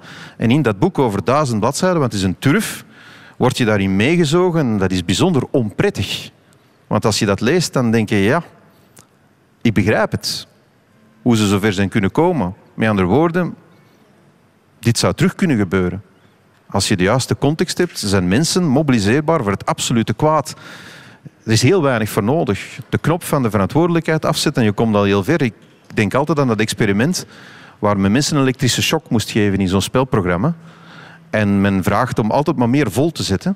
En het enige wat nodig is, is een presentator die zegt: Ik neem de verantwoordelijkheid, doe het maar. En 80% van de mensen doet het ook effectief. Terwijl men toch moreel moet beseffen dat zoiets niet kan. Dus dat is, uh, dat is heel. Ik kan het boek aan iedereen aanbevelen, maar tegelijkertijd, je wordt er niet gelukkiger van. Het gevaar van manipulatie. Manipulatie zit daar zeker in, maar ook een soort collectieve verdwazing uh, in een bepaalde context die uh, mensen in een greep kan krijgen en, en, waar je veel minder weerstand tegen hebt dan dat je zelf vermoedt. Uh, iedereen denkt, ik weet wat het goede is, ik ga in elke context mijn moreel kompas wel kunnen bewaren, maar er is maar weinig magnetische kracht nodig om dat til te doen slaan. Mm. Hoedt u zichzelf om te manipuleren? Weet u waar de grens ligt? Ja, manipuleren. Elke politicus manipuleert, dan is dat een lelijk woord. Uh, wij proberen natuurlijk onze ideeën over mens en samenleving in de markt te zetten. Maar ik ga er wel vanuit dat die leiden tot het goede. Hm. Dat is alleszins mijn innigste overtuiging. En dat we in onze democratie gezegend zijn, want ik denk dat de meeste politici aan politiek doen eigenlijk wel het goede nastreven. We zijn het alleen ontzettend over eens, oneens over wat het goede is. Maar dat is dan weer democratie en dat is mooi op zichzelf. Een ontmoeting die u echt heeft geraakt is de ontmoeting met de Auschwitz-overlevende Herschel Fink, die u in Antwerpen heeft ontmoet. Wat vond u zo bijzonder aan, aan dat gesprek met Herschel Fink? De man is ondertussen overleden. Ik heb nog het geluk gehad hem nog te kunnen, te kunnen treffen. Hij had mij uitgenodigd om eens te komen eten bij hem. Ik heb daar zeer lang gezeten. En dat is iemand die zijn ganse familie verloren heeft in Auschwitz. Zijn moeder heeft hem gered door hem een tikje op de schouder te geven. Ze zeggen, ga met je broer mee. Als hij bij zijn moeder was gebleven, was hij onmiddellijk vergast. Iedereen verloren, komt terug in Antwerpen, alleen. Slaagt erin om toch een heel bloeiende zaak op te bouwen, een heel mooie familie op te bouwen. En vertelde over dat leven zonder enige bitterheid. Dat was enorm indrukwekkend. Enorm indrukwekkend om die man bezig te horen. En dat laat een heel diepe stempel op je na. Ja, op welke manier heeft dat u veranderd? Dat Wel, ik denk dat elk gesprek of elk boek dat je leest je ergens verandert. Uh, je gedachten ergens bepaalt. Uh, soms zelfs in het onbewuste. Um, dat verhaal van Herschel Fink heeft mij alleszins zeer bewust gemaakt voor een bepaald soort radicalisering. Waaraan je nooit mag toegeven. Nooit mag toegeven. Want dat is de kortste weg naar eigenlijk de rationalisering en het goed praten van het absolute kwaad.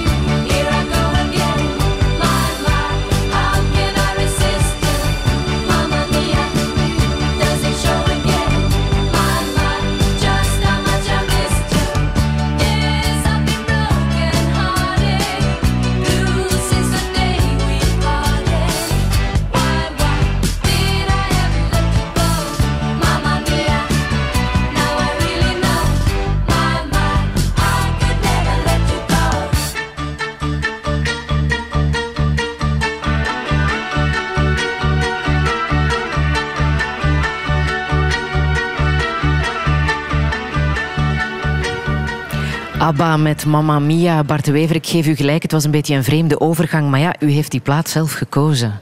Dat is ook zo. Niemand kan weerstaan aan ABBA. Bewijs is ook geleverd, want tijdens de plaat begon Pieter Emrichs en zijn muzikanten gewoon mee te spelen. Het is onweerstaanbaar. Het zuigt je mee in een soort vrolijkheid waar je gewoon niet kan weerstaan. Ik zie dat elke keer. Mijn zoon speelt dat nummer op trompet. En zo gauw die dat speelt, zie je gewoon de glimlach bij iedereen verschijnen. Dat is de magie van ABBA, dat is ongeëvenaard. En weet u waarover dit nummer gaat? Ehm, over Mamma Mia is mijn moeder. De rest weet ik. Dat die teksten luister ik eigenlijk nog. Nee, waarover gaat dat nummer? Uh, Toch wel over de moeilijkheid van relaties. Over de moeilijkheid van relaties. Ach zo. Ja, de aantrekking Kijk, en, en zelfs daar word je weer- toch vrolijk van. Kijk, Hoe gaat het bij u thuis? goed. Goed, wij zijn een eh, traditioneel Vlaams gezin met eh, vier kinderen, dus eh, never a dull moment. Ja, en getrouwd zelfs op 11 juli, hè? Ik ben getrouwd op 11 juli. Dat is een truc om nooit mijn huwelijksverjaardag te vergeten. En dat lukt? Dat lukt mij elke keer, want 11 juli die staat toch met stip in mijn agenda. Mm. En dus dan vergeet ik dat niet, anders zou ik dat gegarandeerd zeker vergeten. Is uw vrouw nog altijd trots op u? Ehm, ik veronderstel van wel, maar dat zijn zo dingen waar wij niet vaak over praten, eh, om Nee. eerlijk te zijn. Allee, je hebt dat ook gezegd, uw moeder is nog altijd trots op mij. Ik denk dat u het enige soundbite waarin ze dat ooit heeft gezegd in haar ganse leven, dat u die net hebt uitgezonden. Ik wil de maar ik heb er ook geen behoefte aan, hoe raar dat ook mogen klinken. Ik heb ook een soundbite van uw vrouw die ik even wil laten horen.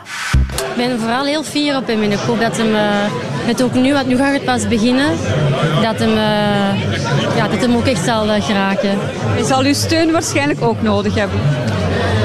Ja, maar die eh, geven wij elkaar altijd. Touché. Dat was bij de verkiezingsoverwinning in 2010, denk ik. Ja, ik denk dat ze dat vreselijk vond, eh, van zo ondervraagd te worden door de media. Ehm, maar opnieuw, ja, dat zijn dan van die soundbites omdat men de vraag stelt. Mhm. Iets anders is wat mensen spontaan in het echte leven tegen elkaar vertellen. En dan kan ik u alleen zeggen dat aan dat soort dingen wij niet zoveel behoefte hebben gewoon. Dat is gênant. Mhm. Kan u zeggen wat voor echtgenoot u bent? Een afwezige echtgenoot. Dus ik ben niet vaak thuis. Mhm. En ehm, ja, eh, je probeert de momenten die je met gezin kan doorbrengen te zorgen dat die er dan ook toe doen. Dat is een belangrijke les. Eh, ik ben ook het kind van een afwezige vader. Eh, mijn vader was weinig betrokken op het leven van zijn kinderen. Hij heeft dat beseft toen het te laat was. Want je bouwt dat ook niet meer op. En is dan ook jong gestorven, dus dat was onherstelbaar. En daar heb ik wel een les uit geleerd. Dat je het niet zo ver mag laten komen. Dus wij investeren nogal in, bijvoorbeeld in vakanties. Onze vakanties zijn, al zeg ik het zelf, van hoge kwaliteit. Mhm. En ze zijn zeer kindgericht ook. Ja. En wat voor vakanties eh, neemt u dan? Wel, dat betekent bijvoorbeeld dat je gaat, en men kan zich dat wellicht niet voorstellen bij mij, gaat canyonen. Dat is in zo'n duikerspak in rivieren eh, gaat waden. Dat vinden de kinderen fantastisch. Dat je naar het kletterwald gaat, waar je op enkele meter hoogte van boom tot boom eh, moet slingeren. Wat ook zeer aangenaam is, eh, moet ik zeggen.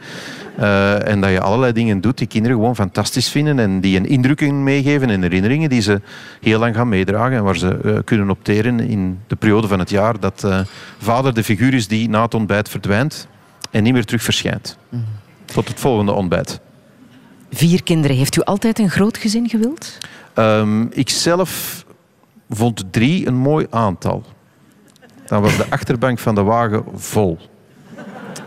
Maar toen kwam er nog eentje. En toen kwam er nog eentje en dan eh, sindsdien ben ik veroordeeld tot zo'n monovolume. Waar je dus nog een bank van achter hebt en tot onwaarschijnlijke toestanden als je op vakantie moet vertrekken. Eh, vroeger heb ik dan met zo'n doodskist op de auto gewerkt, eh, maar ik ben zeer onhandig en ik had altijd schrik en dat maakt ook vreselijk lawaai. Dus ik zag dat er altijd afvliegen, dat was stress van begin tot einde. En nu eh, huur ik een grotere wagen, of ik, ik heb het eigenlijk geluk dat ik die via de stad kan krijgen, moet ik eerlijk zeggen. Dus dat is een groot geluk ehm, om op vakantie te kunnen gaan. Maar dat is een hele logistieke operatie. Op welke manier heeft het vaderschap u veranderd? Oh, dat verandert alles. Hè. Eh, Ik denk dat zo gauw je ouder wordt... Iedereen kan kinderen maken natuurlijk, dat is niet moeilijk. Maar eh, vader en moeder zijn, dat is nog een heel andere opdracht. Hè. Dus dat is eh, letterlijk levenslang, in de beste betekenis van het woord. En dat verandert alles. Hè. Je leven voor en na kinderen, eh, ja, dat is een leven wat van eh, spontaan gaat, waar je beslissing kan nemen ad hoc en à la dernière minuut. En je bij wijze van spreken kan zeggen, willen we vrijdagavond eens naar Parijs rijden en tien minuten later kan vertrekken, naar een zeer georganiseerd en gepland leven van grote verantwoordelijkheid.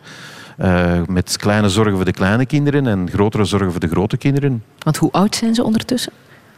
Hier mag ik geen fouten maken. Ehm, het is daarom dat ik de vraag stel. even jaren en oneven jaren. Dus dat is, voor mij is dat gemakkelijk. Op het einde van het jaar 2016 zullen mijn kinderen 15, 13, 11 en 9 zijn. Eh, maar de jongste moet nog verjaren, dus die is nu nog 8. Ja, dat is juist. Zeker? Ja. Ja, ja, ben zeker. ja. En met welke normen en waarden voedt u hen op? Och, normen en waarden. Eh, wij geven eh, een heel traditionele opvoeding, denk ik, eh, waar de klemtoon ligt op ja, het, het krijgen van een goede vorming. De waarden van het christendom, zoals wij die zelf hebben meegekregen, al ben ik zelf niet strikt gelovig. Maar het is natuurlijk wel een moraalfilosofie, het christendom, die handzaam is en die ik wel op prijs stel, waarvan wij de normen en waarden doorgeven.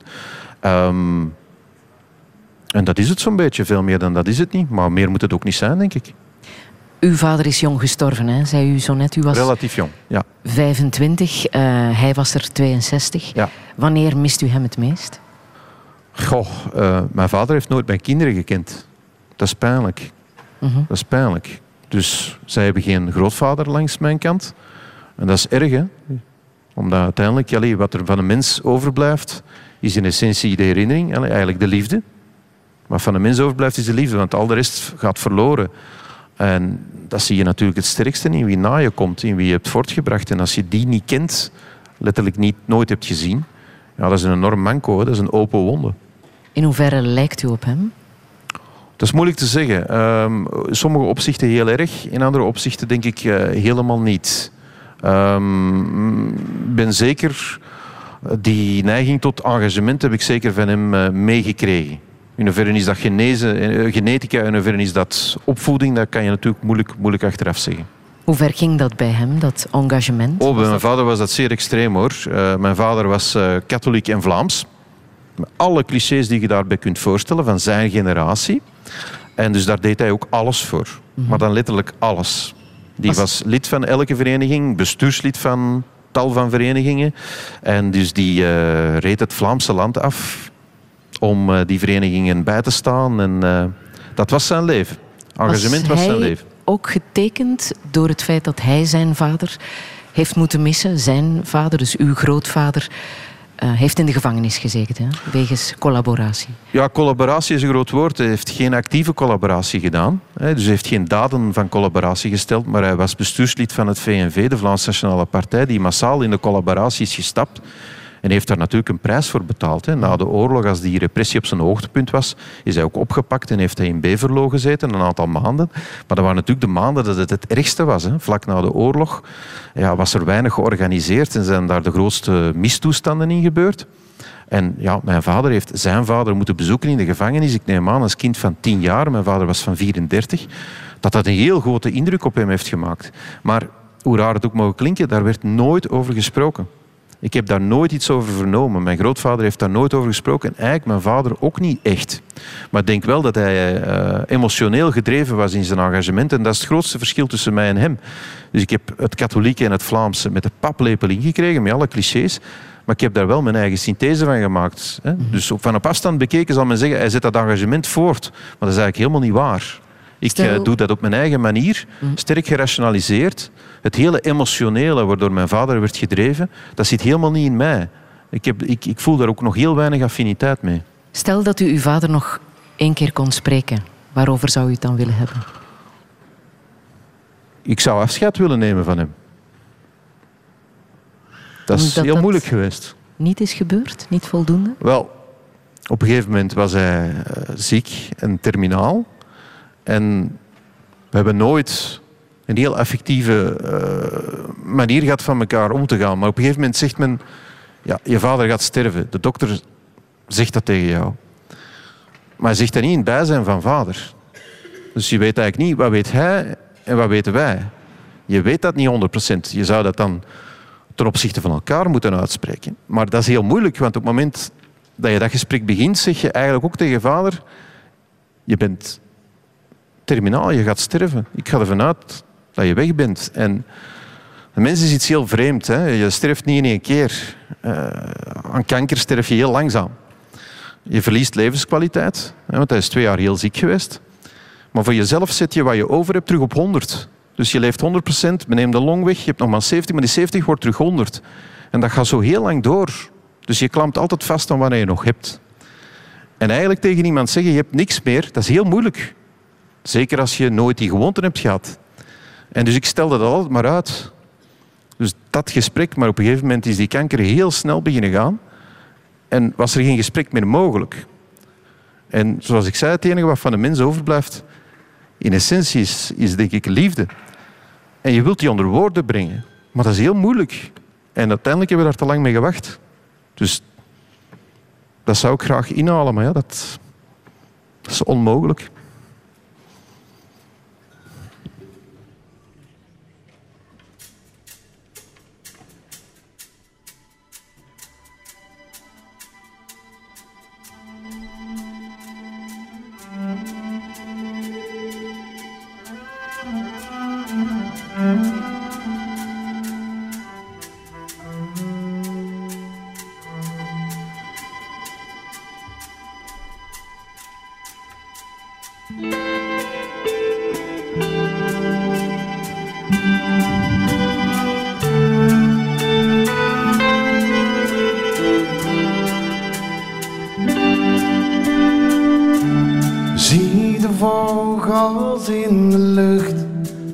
Een vee weer op de vlucht. Vlieg de warmte tegemoet, ieder wezen wil het goed. Zie de boten voor de kust, zie de mensen op de vlucht. Zie de droom dat u betaalt, zie de vrijheid niet gehaald. Wij gaan ten onder.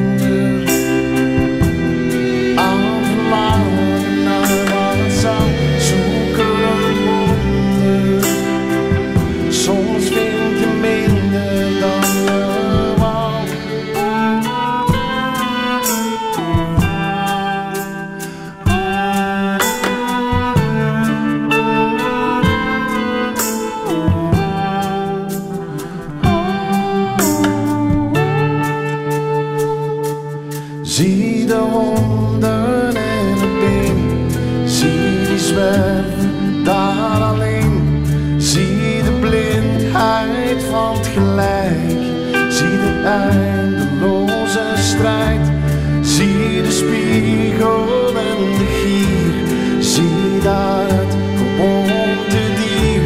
Zie de vrienden en de lach, zie waarom ik u graag zag. Wij gaan ten onder aan verlangen naar wat zou zoeken het wonder. Soms vind je minder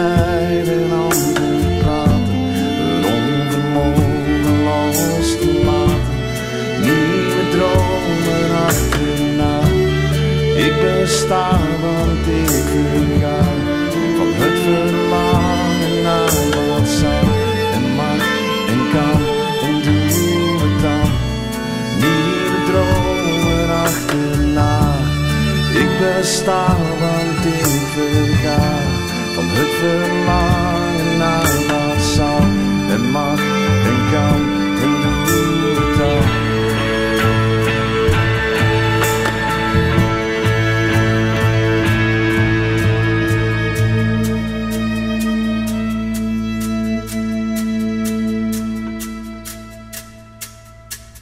Wij gaan ten onder, hang verlangen naar wat zou zoeken het wonder. Soms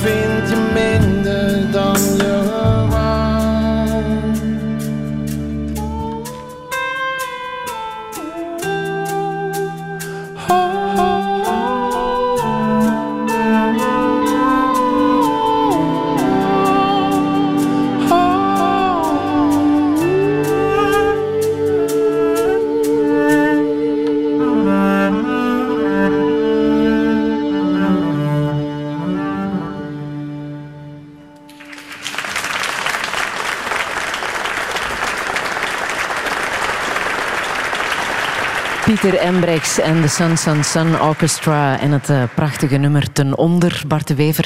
Het heeft u geholpen om de tranen even te laten vloeien. Hè? Huilen, helpt dat? Ik ben blij dat u dat vermeldt, ja. Ik was eh, net zo blij dat het radio was. Dat eh, mensen dat niet hebben moeten zien. Maar ik ben blij te zien dat er ook emoties zitten in u. Oh ja, maar ik hou die liefst verborgen. Dat is ook een deel van ehm, ja, de Cartesiaanse opvoeding. Hè. Ik vind een emotionele uitbarsting, en ik weet dat dat fout is, maar dat krijg er niet meer uit. Dat is een teken van zwakte en eh, zwakte die hou je voor jezelf. Eh, op het doodsbriefje van, het doodsbeeldje van onkel Bob, die ik heb gekend, want wij gingen naar dezelfde bakker, daar stond ik heb mijn tranen alleen geschreid. Ik vond dat heel mooi. Ik die moest altijd vrolijkheid uitstralen, vrolijke vrienden. Ik denk dat hij veel miserie in zijn leven heeft gehad. Maar die heeft de keuze gemaakt om zijn tranen alleen te schrijven en dat niet te delen met het publiek. En ik ben van diezelfde overtuiging. Eh, emoties voor het grote publiek brengen, dat is iets wat ik niet graag doe.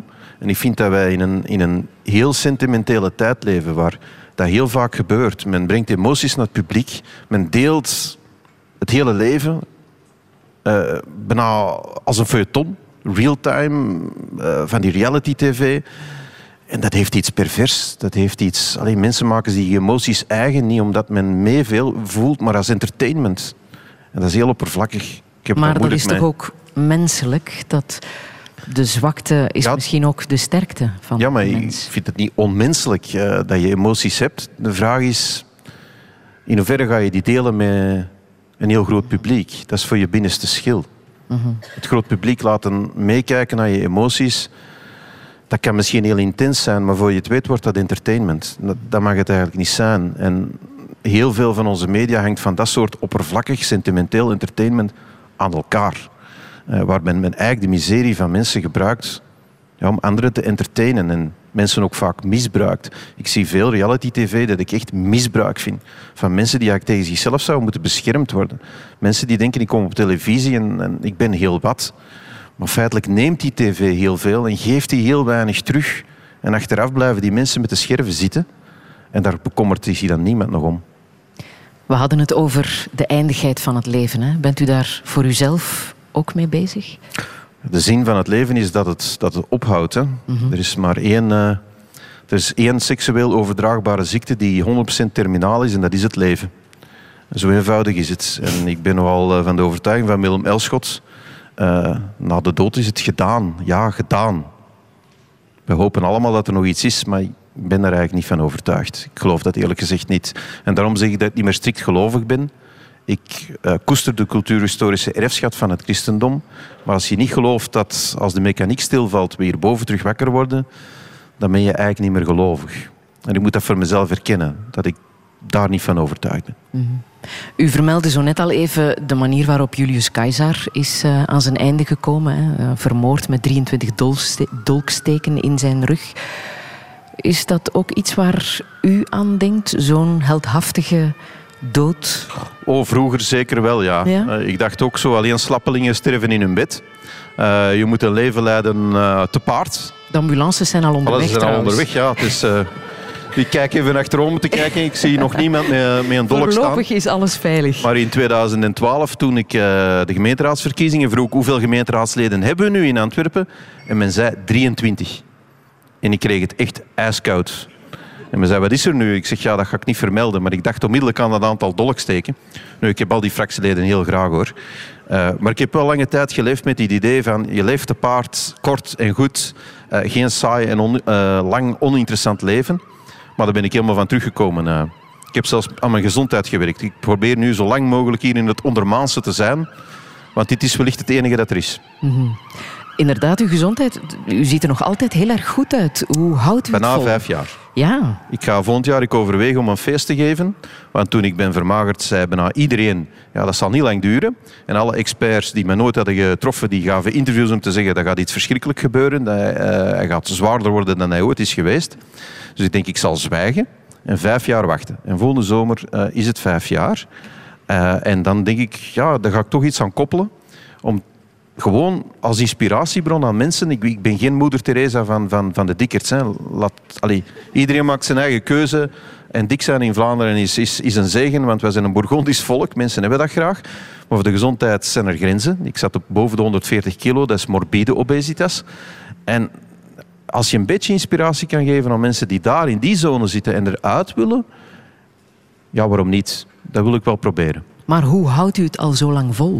Oh, dat is een heel andere manier van leven eh, die ik me niet kon voorstellen. Ehm, dus een heel andere eetgewoonte. Die ik vroeger zou, allee, de dingen die ik nu eet, die zou ik vroeger naar uw hoofd gesmeten hebben. eh, moesten ze mij hebben durven serveren. En vandaag vind ik die ontzettend lekker. Dus je kan echt wel veranderen. Eh, ik sport veel. Ik loop vaak. Ehm, je voelt je daar heel goed bij. Ook mentaal. Dat had ik vroeger ook nooit gedacht dat dat mogelijk was. En last but not least, hier komt de schok, ik drink geen alcohol meer. Nu, ik ben een beetje als Obelix, ik ben in de ketel gevallen, dus ik heb in de eerste helft van mijn leven wellicht genoeg gedronken voor heel mijn leven. Ehm, ik had ook nooit gedacht dat ik dat zou kunnen. We zijn op dat vlak bijzonder Bourgondisch. Eh, men, men brengt het letterlijk naar je mond, zeker in mijn stijl. Ik had nooit gedacht dat ik nee zou kunnen zeggen. Maar eigenlijk is dat verbazend gemakkelijk. En voel je je daar eigenlijk ook redelijk goed bij. Mhm. Het voordeel is ook dat u nu strak in het pak zit. Hè? Heeft u een styliste? Eh, nee. nee, ik heb Maar geen zo stylist. lijkt het wel. Nee, nee, maar ik ben toen, toen ik burgemeester werd, ben ik gevat op een receptie door een man die de, de, volgens mij de enige herencouturier is die Antwerpen nog rijk is. En die zei, ik heb wel een idee hoe een burgemeester van Antwerpen er zou moeten uitzien. Ik zeg, dat is dan schitterend, want ik heb daar geen enkel idee over, over hoe die er moet uitzien. Ik kom bij u wel eens op visite. En dat is sindsdien mijn vaste kleermaker, Guy David. Over de Nationale Bank, als ik een beetje reclame mag maken. Een schitterende zaak. En die maakt die kostuums voor mij. Dus dat is echt nog op ouderwets. Je gaat binnen, zoals in een tapijtenwinkel, mag je een stofje kiezen. En hij maakt daar een creatie van. Van hoe dat hij denkt dat een burgemeester er moet uitzien. En dan heeft u zo'n das die past bij het pak. Ja, dit is een beetje een Oostenrijkse stijl. Dus een kraagje met een dasje in dezelfde kleur. En van die eh, kleine streepjes aan je broek en, en je vest die in de, hetzelfde, dezelfde ruitjes zijn. En ik vind dat heel mooi. Dat is heel ouderwets en klassiek, maar ik denk dat ik zelf ook heel ouderwets en klassiek ben, dus dat past bij mij. Zeg, en hoe gaat het met uw smetvrees? Eh, ik heb smetvrees, dat klinkt een beetje pathologisch, ehm, maar ik ben gewoon iemand die altijd beducht is. Ik zal niet uit het glas van iemand anders drinken of iemand anders zijn bord leeg eten. Ik huiver ook om een klink aan te raken, zeker een klink van een toilet. En ja, dat zit er gewoon in. Eh, maar ik ben nog niet Howard Hughes, hè, die zich gaat opsluiten in een kamer vol Kleenexen en, en bokalen om in te urineren. Hè. Zo erg is het niet eh, gekomen. Maar ik ben altijd wel beduchtzaam voor viezigheid. Zo, ja. En wilt u daar vanaf of denkt u daar kan ik mee leven? Ik voel mij daar prima bij. Prima. Nagelbijten doet u ook, hè, meneer De Wever? Dat hebt u goed gezien, ja. Ja. Dat is, Ja, eh, sorry, wij zitten nogal dicht op elkaar. ja, het is een vorm van zelfverminking eh, waar ik zeer beschaamd over ben. Want waarom eet je nu je eigen vingers op? Daar is geen enkele reden voor. En toch gebeurt dat. Eh, ik merk heel goed op vakanties dat ik het kan laten. Maar zo gauw de eerste werkdag begonnen is, gaan ze er allemaal aan. Dus ik denk dat het stressgerelateerd is. En, maar het is heel vreemd, want het doet pijn en het ziet er niet uit. Ze hebben daar trucjes voor, hè? Zo'n nagellak moet je misschien Nagellak, ja. Ehm, goed, als u nog andere tips hebt, dan wil ik die graag vernemen.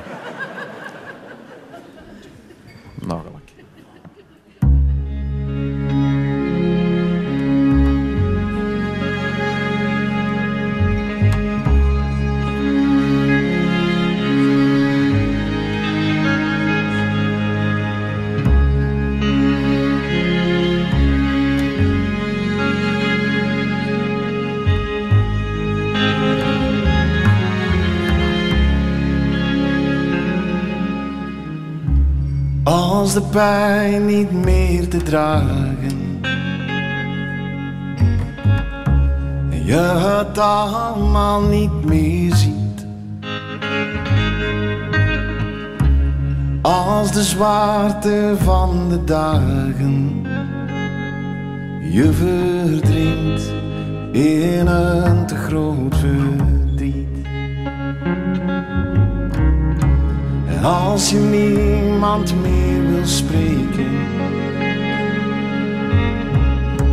En je jezelf niet meer herkent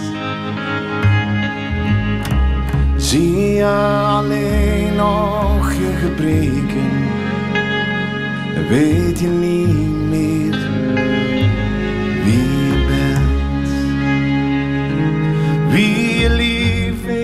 Zal je nooit verlaten. Nee, je bent altijd een vriend van mij. Om te zwijgen en om te praten, dan ik ooit gaat dit voorbij.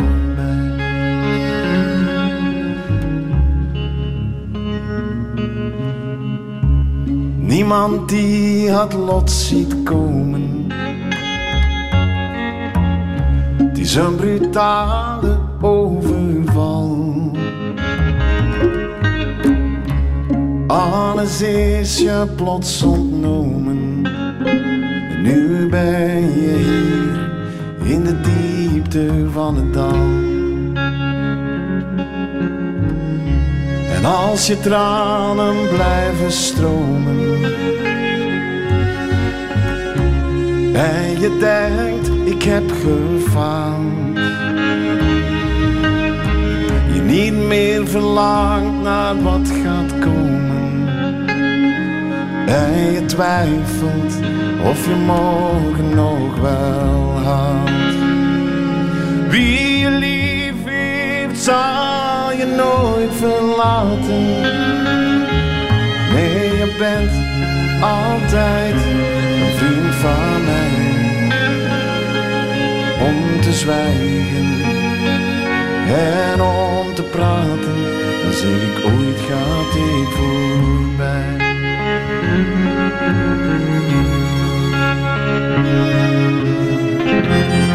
Je gooit stenen in het water en het water rimpelt. Kijk, het wordt oud.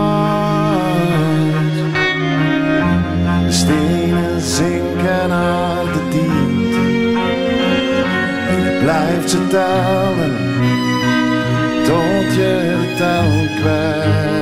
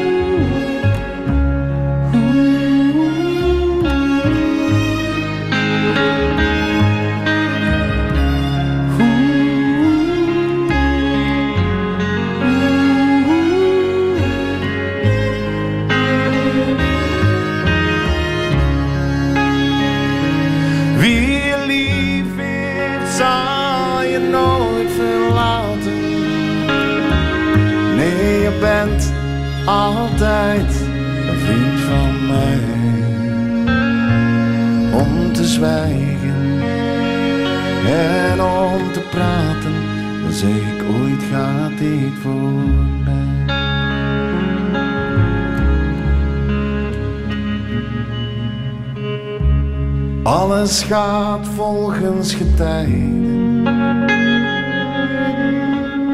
Zoals het land de zee gedoogt. Zo zal de dag ook komen. Dat je tranen zijn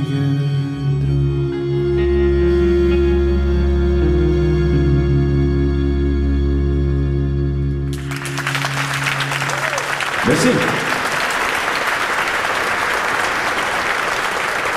Pieter Embrechts en de Sons and Sun Orchestra en een vriend van mij, Bart de Wever. Daarover heeft u een bijzondere uitspraak gedaan, hè? nog niet zo lang geleden. Als je vrienden wil in de politiek, koop dan een hond. Ja, dat is Truman. Hè? If you're looking for a friend in Washington, buy a dog. Al zou hij dat ook nooit gezegd hebben. Ehm Kikero heeft dat trouwens ook al gezegd. Eh, als je echt affectie wilt, koop een hond. Een hond is altijd blij van je te zien. Hè? Zelfs we komen vier uur s'nachts uh, in kinderlijke toestand thuis. De hond is altijd nog blij dat je thuis komt. En heeft u een hond of heeft u vrienden? Nee, ik heb geen hond. Eh, omdat een hond eh, vraagt heel veel zorg. En als je altijd afwezig bent, dan moet je dat niet doen. Ik heb zeker vrienden, absoluut. Ik heb een binnenste schil, zoals dat heet. Dus ik heb er geen tien, maar ik heb er wel een aantal. En die gaan al heel lang mee. En ik denk dat ik die heel mijn leven zal hebben. En zoals dat vaak gebeurt, zijn dat mensen die je al als jonge man hebt leren kennen. Die je heel je leven meeneemt. Eind dit jaar wordt u er 46. Hè? Wat zou u echt nog willen in dit leven? Ehm, wat zou ik echt nog willen in dit leven?